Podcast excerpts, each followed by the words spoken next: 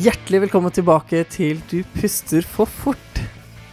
I november 2018 ble jeg invitert av luftambulanseavdelingen i Oslo universitetssykehus til å komme og ta opp et foredrag, sånn at du kan høre det. De hadde et drukningsseminar på Ullevål sykehus. Der har de invitert flere gjester. De skal prate om hvordan ser drukning ut, hva er drukningsprosessen, hva kan vi gjøre prehospitalt, og hva gjør de inhospitalt.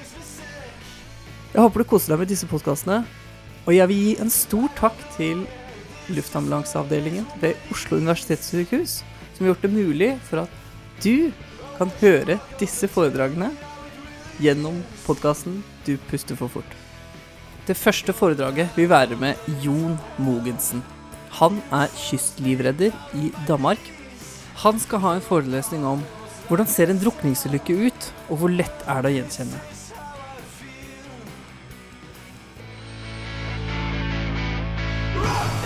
Ja, godmorgen.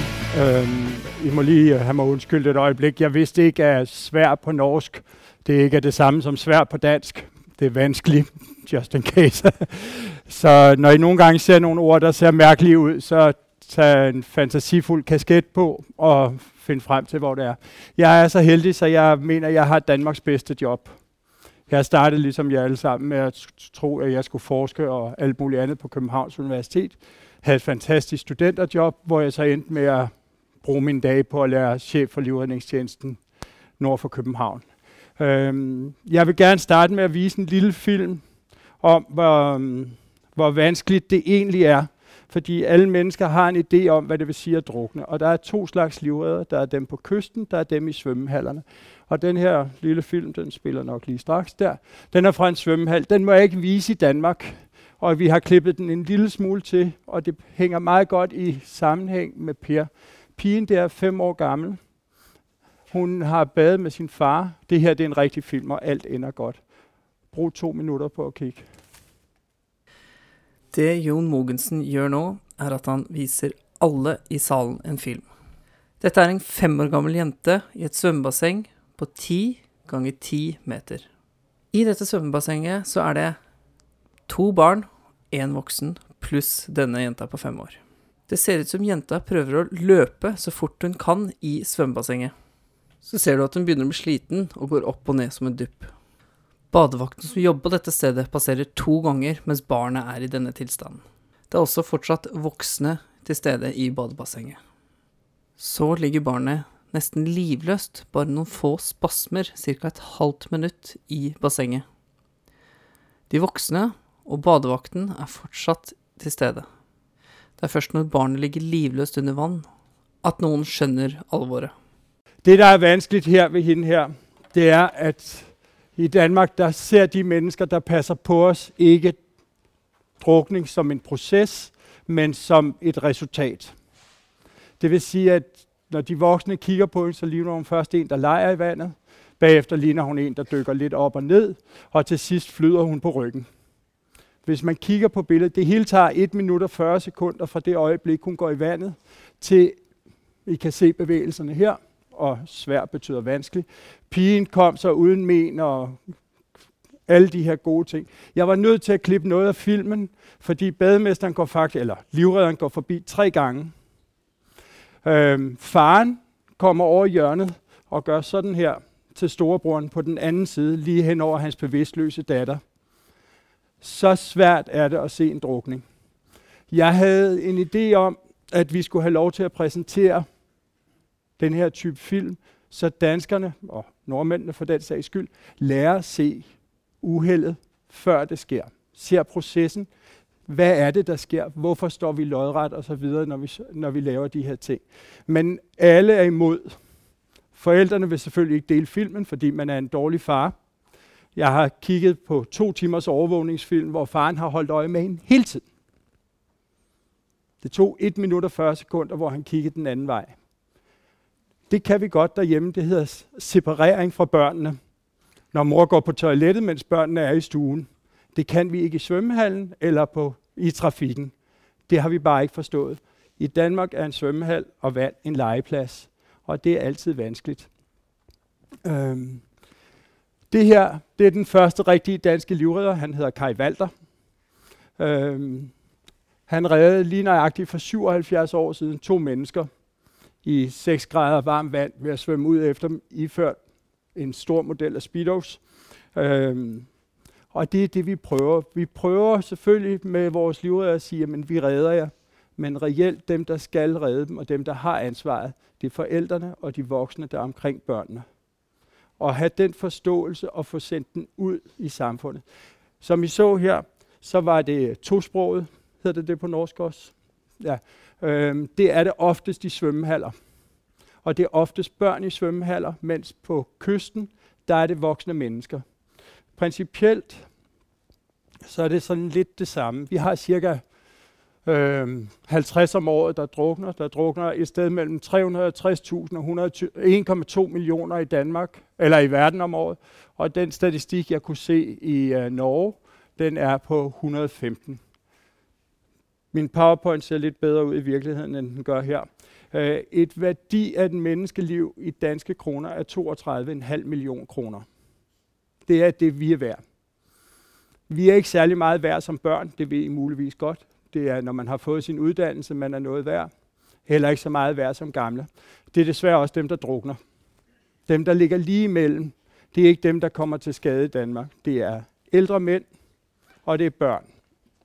Men det giver jo en idé om, at livredning kan have en værdi.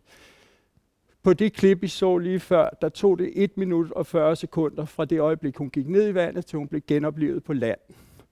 Vi har lavet nogle undersøgelser på kysten.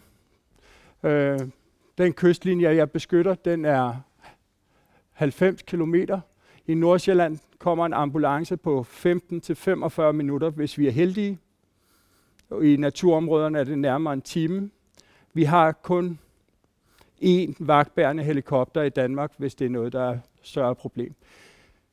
Redningstid for en livredderpost, cirka 3 minutter. Det er så 1 minut og 20 sekunder for langsomt. Vi har kigget på at dele redningstiden op i to. Vi har en observationstid, som man virkelig kan arbejde på ved at lære at se de her forskellige mønstre, der er, når folk er ved at drukne. Og så har vi en øh, responstid, og den er næsten altid det samme, fordi de fleste mennesker i Danmark, de drukner 50 meter fra land. Så det er lige før, man kan gå ud og hente den. Det var så den film, der skulle have været her. Godt. Øhm, så det, jeg har brug for at, tage, at i talesætte her, både her og i Danmark, og få det ud i pressen, så, så befolkningen forstår det, det er, at det at drukne, det er et forløb. Så når man ser noget, hvis jeg kigger her, scanner hen over gruppen og kigger tilbage, så ser jeg det kun som øjebliksbilleder, og så ser jeg ikke processen. Så derfor skal vi kunne se de ting, der er. Vi skal vende os til, at vores personer ikke råber efter hjælp, fordi vi har travlt med at holde os flydende i vandet. Munden er skiftevis over og under vandet, og det, der virker uhensigtsmæssigt, det er, hvis I så på den film, så puster pigen ikke ud under vandet og trækker vejret over vandet. Hun gør det faktisk lige omvendt. Når hun får munden op af vandet, så åbner hun munden, og så synker hun ned igen. Ja, vi vinker ikke efter hjælp. Der kan godt være sådan en bevægelse op og ned med armene. vi kan ikke bruge vores arme til bevidste formål. Personens krop er lodret i vandet, og det hele tager mellem 20 og 80 sekunder fra start til slut. Så er vi som regel liggende på maven, sådan her i vandet. Den her pige var lidt vanskeligere, for hun lå faktisk på ryggen og flød til sidst. Og det kan være undskyldningen for bademesteren, at de simpelthen troede, hun flød på ryggen. Det er sådan, at hvis vi skal kunne svømme, så skal vi kunne ligge ned i vandet. En del af jer må have børn, der går til svømning. Og, eller i hvert fald har set nogen at været de stolte forældre at se en vandrotte, der lige har næsen over vandet, svømme lodret gennem vandet. Og så tænker vi, hvor er vi fantastisk, vores barn kan svømme. Nej, vores barn kan ikke svømme. De kan lige netop holde næsen over vandet for ikke at drukne. Men det er faktisk første proces mod at drukne, hvor tyngdepunktet kommer på hoften, i stedet for på brystet. Men mindre end man er svært overvægtig, så det eneste, der flyder på vores krop, det er vores brystkasse. Det vil sige, for at få benene op, skal vi have brystet ned. Vi skal have ansigtet ned i vandet. Vi skal trække vejret rigtigt. Og det er det faktisk det første ting, man kan se, hvis folk går i vandet, eller børn går i vandet. Hvis de svømmer og lægger tyngdepunktet bagud, lægger meget stor kraft på deres ben for at holde sig oppe, så er det børn og voksne, der kan overleve, men hvis der kommer en bølge på tværs, så drukner de. Så hvis vi hjælper hinanden med ikke kun at holde øje med dem, vi kender, men også dem, der er ved siden af. I så manden, der gik lige forbi og kiggede på pigen og går videre. Hvis vi kan få de signaler ud til befolkningen, så tror jeg, at vi kan nå rigtig, rigtig langt. Men det er virkelig, virkelig let ned i vandet. Hvis I skal lære jeres børn at svømme, og de ikke kan lide at putte hovedet ned i vandet, så lær dem at vende sig om på ryggen. Der kan man trække vejret, når man har lyst til. Jeg snakkede med en kineser. Der var en dame, hun var faldet i vandet fra et skib. De havde ikke rigtig savnet hende, så hun havde flyttet på ryggen i 26,5 timer, før at der var nogen, der havde fundet hende igen. Så man kan rigtig, rigtig meget på ryggen. Men det er nok de her ting, der er væsentlige at have med, og så husk den der lodrette bevægelse med, at man træder ikke vandet. Man prøver at gå på bunden, og der kan man ikke nå. Det kan i nogle tilfælde være lidt vanskeligere. Jeg prøver lige at sætte en lille smule økonomi på det, vi har. Vi har en livredningspost her, han koster 150.000 kroner, så har vi nogen, der er frivillige. Det er det meste af det her uddannelse. I Danmark, det hedder skadestue på Norsk også, der koster det cirka 1000 kroner at have en person på skadestuen, 4.400 kroner for en ambulance, 6.000 for en lægeambulance, og den lille helikopter koster 3-4.000 danske kroner.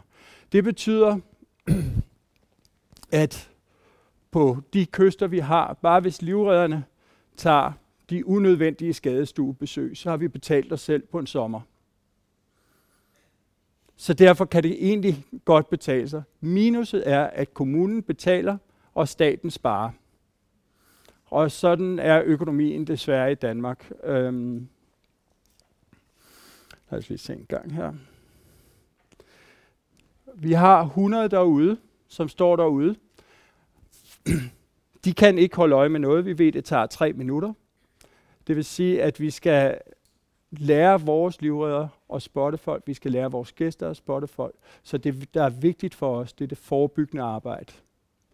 Um, når jeg står her og taler til jer i dag, så sker det tit, at folk lytter mere til læger, end de lytter til livredder. Så hvis der er noget, der skal igennem her i verden, så skal der stå kan med, doktor med osv., så kan vi komme videre til pressen, vi kan komme videre til staten og sige, sige, der skal være noget uddannelse i den her sammenhæng. Der skal tænkes anderledes i svømmeundervisningen. Der skal tænkes i, hvorfor er det de tosprogede, der drukner? De, altså, det, det kan ikke være rigtigt. En del af dem, vi har i Danmark, de er kommet med båd og har familier, der drukner alligevel. Vi har prøvet at køre en sådan lidt en kampagne på fagforeningen, hvor vi siger, hvorfor det kun de fattige, der skal drukne. Det er vældig dyrt at lære at svømme i Danmark. Børnene lærer først at svømme i 4. og 5. klasse, og sjældent særlig godt. Men, men dem vi har, der drukner, de er mellem 5 og 8 år gamle. Måske skulle vi finde en anden løsning og få undervisningen derned, og så sige, at du har lært at svømme. Er det en skill eller en sport? Fordi det, vi har brug for, det er et skill. Vi skal have lært de her børn en helt vildt simpel ting. Det er at trykke maven ned, få hoften op, hovedet ned i vandet, eller rulle dig om på ryggen. Efter det, så kan du faktisk klare dig hvor som helst. Også i koldt vand. Jeg går ud fra, at de fleste af jer er godt klar over, at de, i hvert fald voksne, vi kan godt være 30-40 minutter og svømme i koldt vand, hvis vi ikke går i panik. Børn muligvis lidt kortere, men i weekenden her havde vi et lille arrangement, hvor at vi havde en 14-årig dreng, der svømmede 300 meter i Danmark med speedos, vandet er 8 grader. Vi havde en pige på 9 år, hun svømmede 7-5 meter. Så vi kan godt, hvis vi bare lærer dem de skills. Og så kan jeg se, at der er en del unge mennesker, der snart skal have børn og har børn. I skal huske, at når man går ud til vandet, så er det nogenlunde ligesom at lade sine børn veje på motorvejen, hvis man ikke holder øje med dem. Det kunne aldrig falde os ind at lade være med at holde øje med dem i 10 sekunder i trafikken. men øh, vi kan godt falde i søvn på stranden. Og så kommer de til livet, mit barn er lige blevet væk.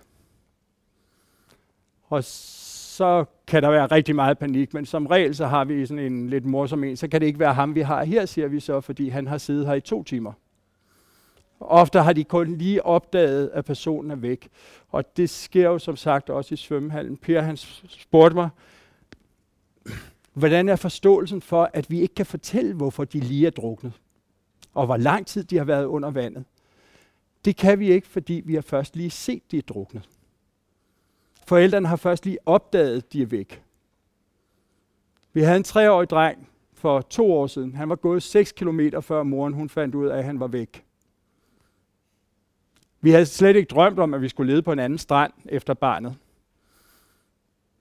Så det er, når vi er ude, hold øje med dem, det går lynhurtigt. Jeg tror, at det var sådan lige det, jeg havde til det her øh, arrangement. Jeg har det der tyngdepunkt, halløj, det er ret vigtigt at kunne, og så bruge lidt tid på at se. Der ligger rigtig mange overvågningsfilm. Der er muligvis nogen, der vil sige i debatten, at der findes et helt vildt smart program, der hedder Triton. Det fortæller, når barnet har ligget stille, når personen har ligget stille på bunden af bassinet 10 sekunder, så går der en alarm. Men den alarm var ikke gået på hende, fordi hun lå i overfladen, og der var strøm, der cirkulerede hende rundt. Så nogle gange kan de her ting være farligere end helt vildt enkelt. Hold øje med dine børn. Tak skal I have.